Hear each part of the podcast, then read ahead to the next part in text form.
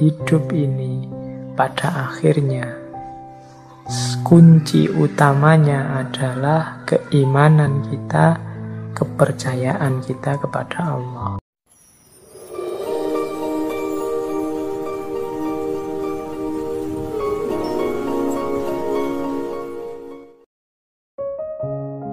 Assalamualaikum warahmatullahi wabarakatuh. Sekarang tema rezeki. Ini salah satu hal yang sering membuat kita galau. Sebagaimana Tuhanmu telah mencukupkan rezekimu di hari kemarin, maka jangan khawatirkan rezekimu untuk esok hari. Ini kan sering membuat kita gelisah apalagi teman-teman mahasiswa. Besok mau jadi apa? Besok mau kerja apa? Besok bisa makan apa tidak? Bisa bayar kuliah atau tidak? Dan seterusnya. Lu kalau kalian kemarin-kemarin bisa survive, kalian kan kemarin juga masih belum punya pekerjaan, kalian kemarin juga masih bergantung sama orang tua, kalian masih belum mandiri juga kemarin. Tapi toh Allah menghadirkan rezekimu dengan jalan yang ada. Mungkin lewat orang tua, lewat beasiswa, lewat tetangga. Itu kan rezeki dari Allah. Kalau Allah kemarin mencukupkan rezekimu, besok juga begitu. Maka tidak perlu khawatir. Tidak perlu nabrak-nabrak aturan. Tidak perlu menerjang yang salah, yang keliru hanya demi rezeki rezeki sudah ada yang ngatur. Ini kalau diceramahkan mudah, tapi kalau dipraktekkan kelihatannya sulit. Orang selalu saja galau, selalu saja gelisah dengan rizki. Kalau engkau tidak punya pekerjaan gelisah, itu menurut saya manusiawi karena manusia itu di antara fitrahnya adalah kerja punya aktivitas, punya penghasilan. Tapi urusan hasil, urusan rezeki jangan dikhawatirkan. Itu urusannya Allah. Sebagaimana dawuhnya Imam Malik minggu lalu yang kita kutip bahwa lakukan saja sesuai bidangmu sebaik mungkin, sesuai yang harus kamu lakukan, tugas-tugasmu sebaik mungkin, urusan rizki kembalikan lagi pada Allah karena Allah yang mengatur. Allah yang mencukupkan. Ini sama maksudnya dengan kata-kata dari Imam Syafi'i ini. Itu saya bawa sebuah syair yang terkenal sekali. Ini nasihat agar kita tidak mencampur uang yang haram dengan yang halal. Ia kumpulkan yang haram dengan yang halal supaya menjadi banyak. Yang haram pun masuk ke dalam yang halal, lalu ia merusaknya. Oke, ini ada cerita di balik syair ini. Jadi satu ketika ada seseorang yang menghadap ke Imam Syafi'i. Orang ini mengeluhkan rizkinya tidak cukup. Satu bulan dia mendapat gaji 500 dirham. Tapi gaji sebesar ini rasanya sudah besar. Kok yo masih susah memenuhi kebutuhan sehari-hari dalam satu bulan. Orang ini mengadu pada Imam Syafi'i. Nah, nasihatnya Imam Syafi'i agak aneh. Katanya Imam Syafi'i, oke, okay, bulan depan kamu mintalah gajimu diturunkan menjadi 300, eh, 400 dirham saja. Oh ini aneh ya, orang merasa kekurangan kok gajinya tidak cukup malah diminta turun. Tapi karena yang meminta seorang ulama besar yang dekat dengan Allah ya dituruti. Minta penurunan gaji.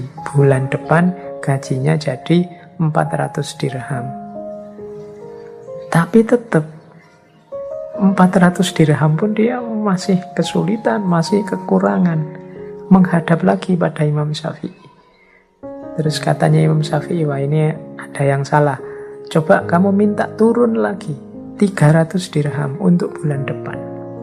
Ini orang ini semakin heran loh kok tambah turun 500 rasanya kurang 400 masih kurang sekarang disuruh 300 Tidak apa-apalah yang menyuruh beliau.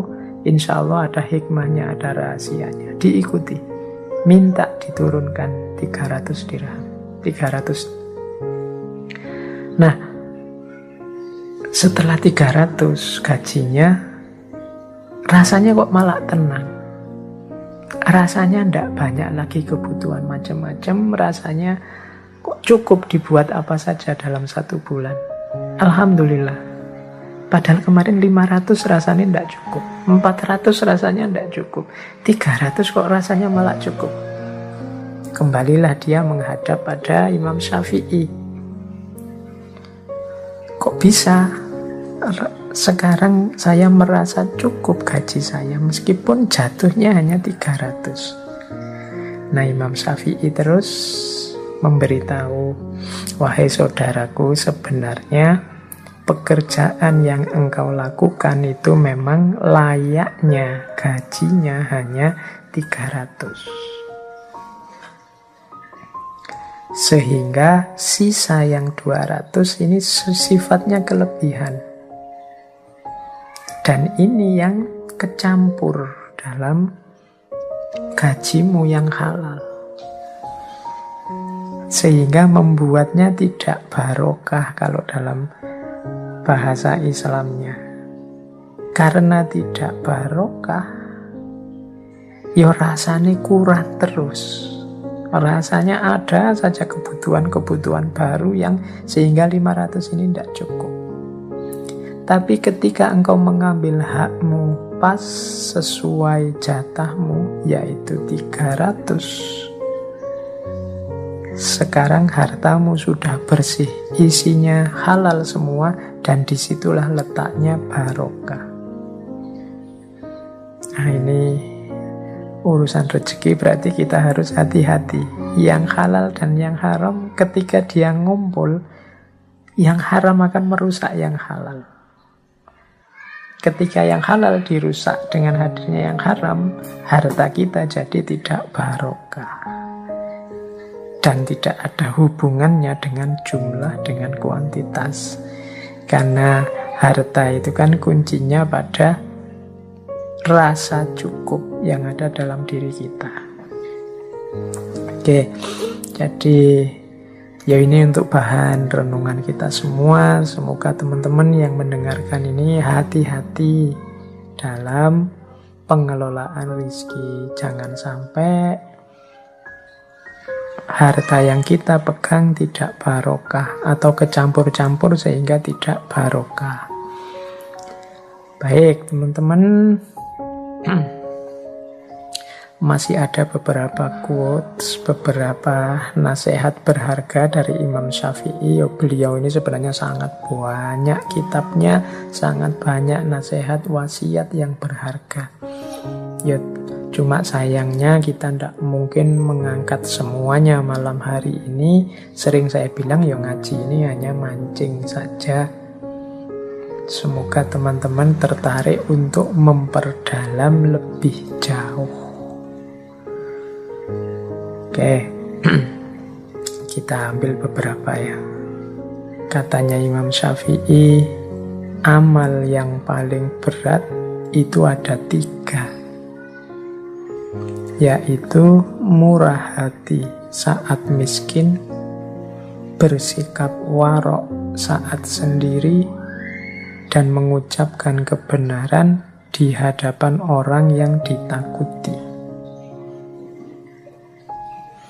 murah hati saat miskin. Ini berat karena orang miskin itu biasanya mentalnya kurang. Mentalnya masih butuh, masih ingin. Nah, ini mentalnya mental menerima, bukan mental memberi. Maka kalau ada orang miskin yang bermental memberi, ini luar biasa.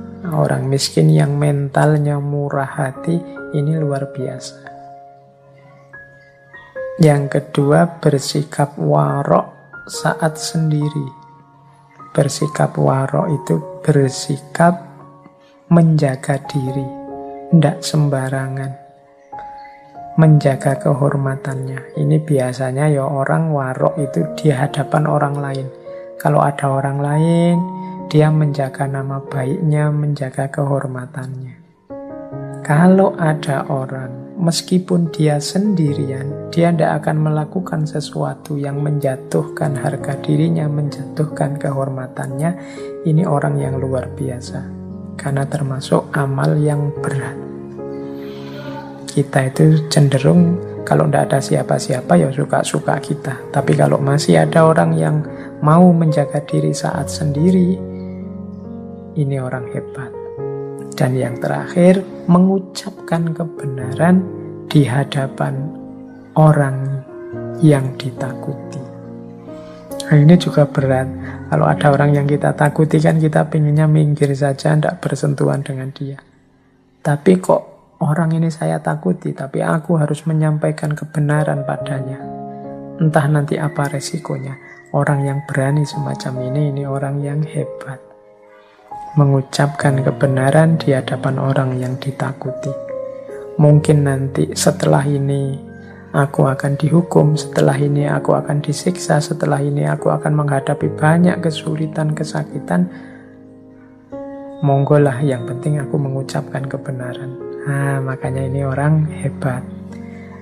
Jadi mengucapkan kebenaran di hadapan orang yang ditakuti. Ya monggo teman-teman latihan. Siapa tahu kita bisa masuk kualifikasi orang-orang hebat ini. Meskipun miskin, tidak punya apa-apa, tetap murah hati. Meskipun sendirian, tetap menjaga kehormatan. Meskipun di hadapan yang ditakuti, tetap menyampaikan kebenaran. Nah, ada lagi quote yang terakhir ya ini Tidak ada yang dapat menggaruk kulitmu selain kukumu sendiri Maka kerjakanlah urusanmu sendiri Ya yang saya sampaikan di atas dari awal sampai akhir ini tadi kan ideal-ideal Mungkin beberapa di antaranya bisa menjadi solusi masalah-masalah kita hari ini. Tapi ideal, ya akan hanya menjadi ideal kalau kita tidak menjalankannya. Problem kita tetap akan jadi problem kalau kita tidak mencoba menyelesaikannya. Ya kita sendiri, wong problem kita. Kalau kita gatel kan kita garuk dengan kuku kita sendiri, dengan jari kita sendiri. Maka Ayo kita kerjakan urusan kita. Ayo kita kerjakan, kita selesaikan masalah kita. Kita sendiri, tidak usah nunggu orang lain. Kadang-kadang kita itu hal yang bisa kita selesaikan sendiri, kita lebih suka menunggu orang lain menyelesaikannya. Kita lebih suka menyuruh orang, kita lebih suka menunggu orang, kita lebih suka kadang-kadang menunggu mood, kita lebih suka kadang-kadang menunggu situasi, kadang-kadang lebih suka. Akhirnya kerjaan-kerjaan kita semuanya terpending, semuanya keteteran. Nah ini menurut saya quotes dari Imam Syafi'i ini bisa kita pakai.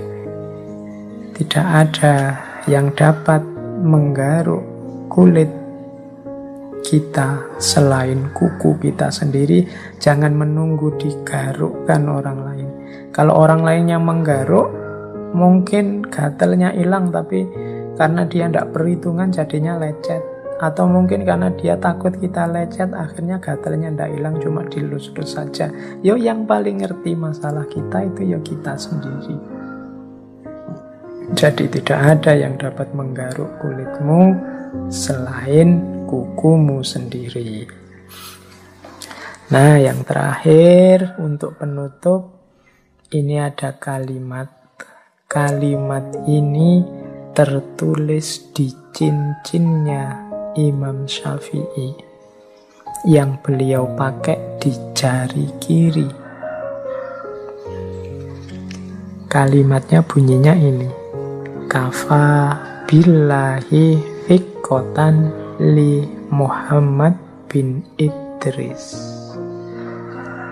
Artinya cukuplah Allah sebagai pegangan.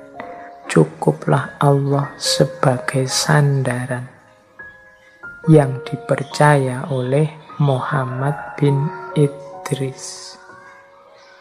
Nah, ini dibawa ke mana-mana oleh Imam Syafi'i, mungkin untuk mengingatkan beliau bahwa hidup ini pada akhirnya kunci utamanya adalah keimanan kita, kepercayaan kita kepada Allah.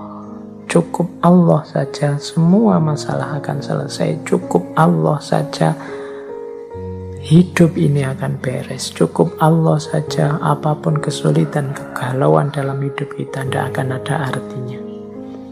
Kafa billahi sikotan li Muhammad bin Id Idris.